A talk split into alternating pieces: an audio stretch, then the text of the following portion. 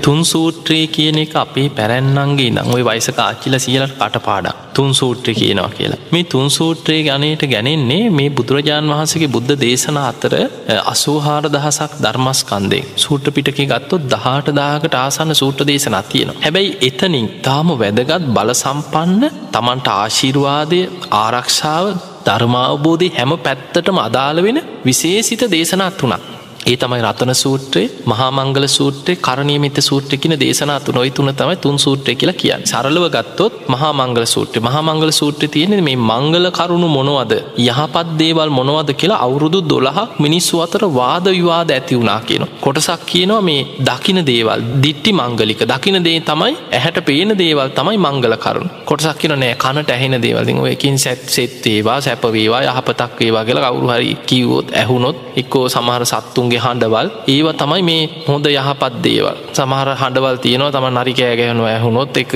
එක සත්තු අඩලන ඇහුණොත් අපෝ මේ හොඳ නෑ. ඒ වගේ මිනිස්සු තුළ තිබ්බ ඇහීමෙන් හොඳ නරක මේ ඒවට කියෙන සුත මංගලික. සමහර වෙලා දැනෙන දේවල් ඒ සුවදක් දැනුනොත් එක්කෝ මල් සුවදක් දැනුනොත් අන්න හොඳයි. අන්න ඒ වගේ එකක විදිහ මිනිස්සු තුළ මේ මත.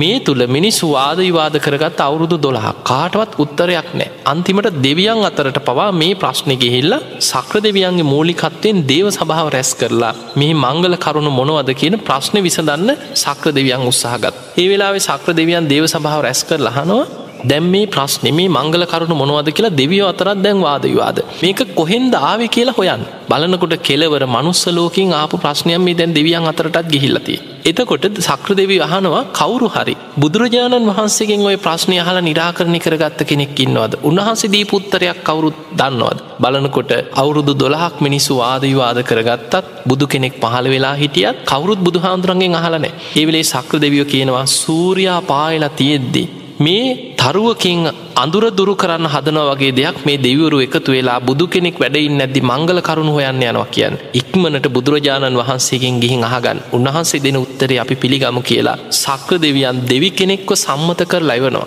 ඒ දෙවියන් තමයි ඇවිල්ල බුදුරජාණන් වහන්සේ මුණගැහිලා මුළු මහත් ජේතවනින් බබළුවාගෙන ඇවිල්ලා ගාථාවකින් අහන්නේ බහූදේවා මනුස්සාච මංගලානි අචින්තයුම්.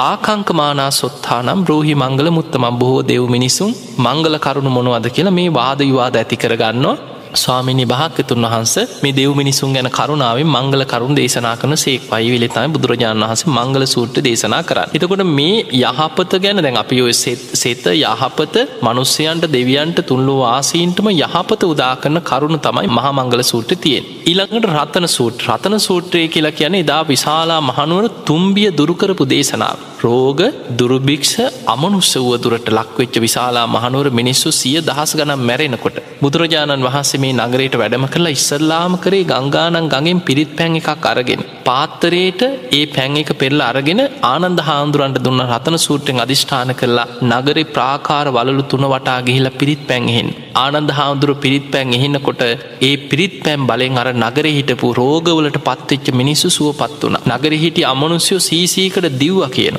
එදා බුදුරජාණන් වහන්සේ වැඩම කරලා කෝටි ලක්ෂයක් සක්වල දෙව්බමුන්ට ආරාධනා කරලා කෝටි ලක්ෂයක් සක්වල ආඥා පිහිටෝමින් කරපු දේශනාව හැටියට තමයි රතන සූත්‍රය හඳුන්නන්. එතකොට ඉතාම බලවත්ම දේශනාවක්. බුද්ධ දම්ම සංග කියන තුනුරුවන් ගුණ ඇතුළ සත්‍යයක් ක්‍රියාවත් තමයි රතන සූත්‍ර තියෙන්. ඊළඟට කරණීයමිත සූත්‍ර කරණීයමිත සූත්‍රය කියන්නේ එදා භික්‍ෂූන් වහන්සේල භාවනා කරන්න කැලේකට ගිය වෙලා හිමාල වනාන්තරය ආශ්‍රිතව මේ වනාන්තරයට අධිග්‍රෝහිත උක්ෂ දේවතාවරු පරවත දේවතාවරු ආදී ඊළඟට අමනුස්යොත් හිටිය. මේ අය මේ ගස් ශුක්ෂ පරවත විමාන කරගත් අයට අර භික්‍ෂූන් වහන්සේලා කැලේට ඇවිල බණ භාවනා කරනකොට උන්වහන්සේලා සීලවන්ත නිසා තමන්ට ගස්වල ඉහළ විමානවල ඉන්න බැරි වුණ. ඒ අය කල්පනා කර මේ භික්‍ෂූන් වහන්සේලා ටිකක් කැලේට ඇවිල අපිට කරදරයි මේ අය පන්න ගන්න ඕන කියලා බය කරන්න මහා භයානක හඬවල් ඇති කරන තැති ගැන්නවා. මේ භික්‍ෂූන් වහන්සේලාට කරදර හිරිහැර කර ඒ අය ආපහු ගිහිල්ල බුදුරජාණන් වහස ළඟට ගිලකි නේ ස්වාමිනි අපිට නගේ කැලේ ඉන්න බෑ මහා භයානක සද්ද ඇති වෙන.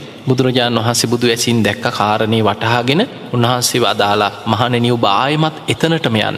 මෙන්න මේ සූත්‍රය කටපාඩක් කරගන්න. ඔබ හැම වෙලාවෙම මේ කරණයමිත්ත සූත්‍රය මහා වනාන්තරයේ ඇහෙන්න සජ්්‍යායනා කරන්න. ඇහෙන් හඬනගා කියන්න. එතකොට මේක තියෙන සම්පූර්ණ මෛත්‍රී භාවනා මෛත්‍රයක් පතුරුවන් එතකොට අමනුස්්‍යයෝ දෙවියන් ඒ ඉන්න පිරිස යක්ෂ පිරිස ඒ හැමෝගෙම හිත්වල මෛත්‍රයක් පැතිරෙන එයාගෙන් කරදරයක් ඇතිවෙන්නෙත් නෑ. ඊළඟට ඔබ මේ දේශනාම භාවනාවට අරගෙන මේ වස්කාලි භාවනාවඩන් භික්‍ෂූන් වහන්සේලා කරණයමිත්ත සූත්‍රයම සඳහන් අර්ථ භාවනාවට වැඩුව. ඒ තුළ වස්කාලය අවසන් වෙනකොට ධර්මාවබෝධය ලැබවා. මේ දේශනාව හඬනගා සජ්්‍යායනා කිරීම තුළ අරමුණුස්ස විපත්වලින් කරදරවලිනුත් ආරක්ෂා වෙලා ඒ සියලු දෙනාගෙම උදව්පකාරත් ලැබුණ. එතකොට මෙන්න මේ සූත්‍ර තුන තමයොයි තුන් සූත්‍ර කියන්. කරණීමිත සූත්‍ර මහා මංගල සුට් රතන සූට්. එදා ඉදං අපේ මිනිස්සු ගෙවල් වල මේ පිරිත් කියන්න පටන් ගත්ත. මංහිතන්න වැදගත්මදේ දැන් සමහරුන්ගේ මත තියෙනවා. කරණීමිත්ත සූට්‍ර ගෙදර කියන්න හෝදනෑ හම්පෝම රත්තන සූට්‍ර කියන්න හෝදනෑ ඔය වගේ අමුතු මත තින බුද්ධ දේශනාගේ කියන්නත් නම්මොකද මේ පාරට ගිහිලා කියන්නද? ගහකුඩ නැගල කියන්න. ඒ නිසා අපි මේ බුදුරජාණන් වහන්සගේ දේශනාවට අගෞරව කරන්නේ නැතුව එදා ඉදං මිනිස්සු හවසට බුදුන් ඇදර තුන් සූට්‍රය කියල සමහලාට පිරිත් පැන් එකක් පෙරලා තියලා ඒ පිරිත් පැන්ටිකගේ වටේට ඉහලා මේ තුනුරුවන්ගේ ආශිර්වාද තමන්ගේ ජීවිතයට ලබා ගත්තා. තිය නිසා පිරිත් කියන එක ඉතාම වැදගත්. ඒවගේමයි මේක මේ පිරිත් සජ්්‍යායනා කිරීම කියන්නේ නිවන් දොරටුවක්. නිවන්දොරටු හයක් තියෙනවා බුදුරජාණන් වහන්සේ අතර පෙන්නනවා එකක් තමයි ධර්මය සජ්්‍යායනා කිරීම නිවන්දොරටුව. ඔය පිරිත් හැටියට සජ්්‍යායනා කරනකොට ඔබ ඒ සජ්්‍යායනා කරන ධර්ම කරුණුවල අර්ථ විමසන්. ඒ අර්ථ නුවනින් විමසමින් සජ්්‍යායනා කරනකොට ඒ අර්ථ වැටහීම පිණිස පවතිනවා. ඒ තුළේ ධර්මකාරණ තමන්ට වැටහෙනවා අවබෝධ වෙනවා. ධර්මාවබෝධයට යන්නත් පුළුවන් සජ්්‍යායනාව තුළ. ඒ නිසා පිරිත් කියනවා කියන මහ විශාල පිනකුට රැස්සෙනවා ඊළඟදේ තමයි ඔය පිරිත් කියනකොට වටිනාමදේ දැන් බුදුරජාණන් වහන්සේගෙන්ම ඔය බුද්ධ දේශන අහපු දෙවියවරු අදටත් වැඩඉන්න. දෙඟි දෙවියන්ගේ ආවිශ ගැන ගත්තහම චාතුම් මහරාජික දිවිය ලෝකෙ තමයි මනුස්සලෝකෙට ආසන්නෙන් තින ආසන්නකීවට යුදුන් හතලිස් දෙදහක් ඉහලින් තමයි කියනවා තියෙන මනුස්සලෝකීද චාතුම් මහරාජික දෙව්ලෝ යුදුනක් යැන සැතපුම් දාසය. මේ චාතුම් මහරාජික දිවියලෝකෙ දෙවියන්ට මනුස්සලෝකෙ අවුරුදු පණහක් කියන්නේ එහෙ එක දවසයි. එතකොට අපිට පේනවා එහෙම නං බුදුරජාණන් වහන්සේ පිරිනිවන් පාල අවුරුදු දෙදස් පන්සිය පනස්ගානක් කියන්නේ. චාතුම් මහරාජික දෙවරුන්ට බුදුරජාණන් වහස පිරිනිවන් පාල හරියට දවස් පනස්ස එකක් වගේ. ඊළඟට තාවතින්ස දෙව්ලව තියෙන එතන ඉදනුත් යොදුම් හතලිස් දෙදහක් කියහලි කෙන මනුස්සලෝගන්න යොදුම් අසූහාරදහ කියලින් තමයි තවතිසාාවතිය සක්‍රදවිය වැඩඉන්න මේ තවතිසාාව. මනුස්සලෝකෙ අවුරුදු සීය ඒඒක දවසක් කිය. එහෙනම් බුදුරජාණන් වහන්සේ පිරිනිවන් පාල දවස් විසි පහක් විසිහයක් වගේ තවතිසා වැසි දෙවියන්.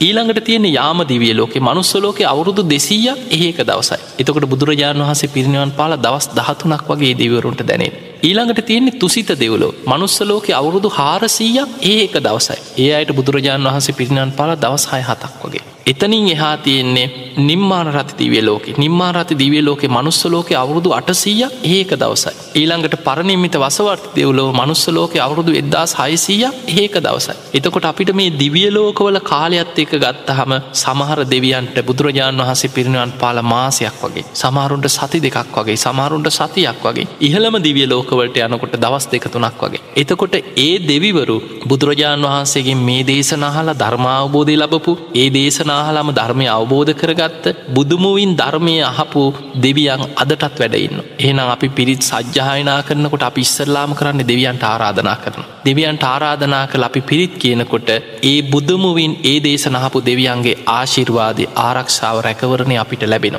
ඒ නිසා පිරිත් සජ්්‍යායනාව කියන්නේ බොහෝම ආශිර්වාදයක් ආරක්ෂාවක් රැකවරණයක් තියෙන තමන්ට ඒ දෙවියන්ගෙන් පවා ආරක්ෂාව ලැබෙන බොහොම වටිනා දෙයක් ඒවැ අර්තත් විමසමින් සජ්්‍යායනා කරන්න පුළුවන්න ධර්මාවබෝධයටත් උපකාර වෙනවා පිරිස් සජ්්‍යායනාව කියන කාරණය.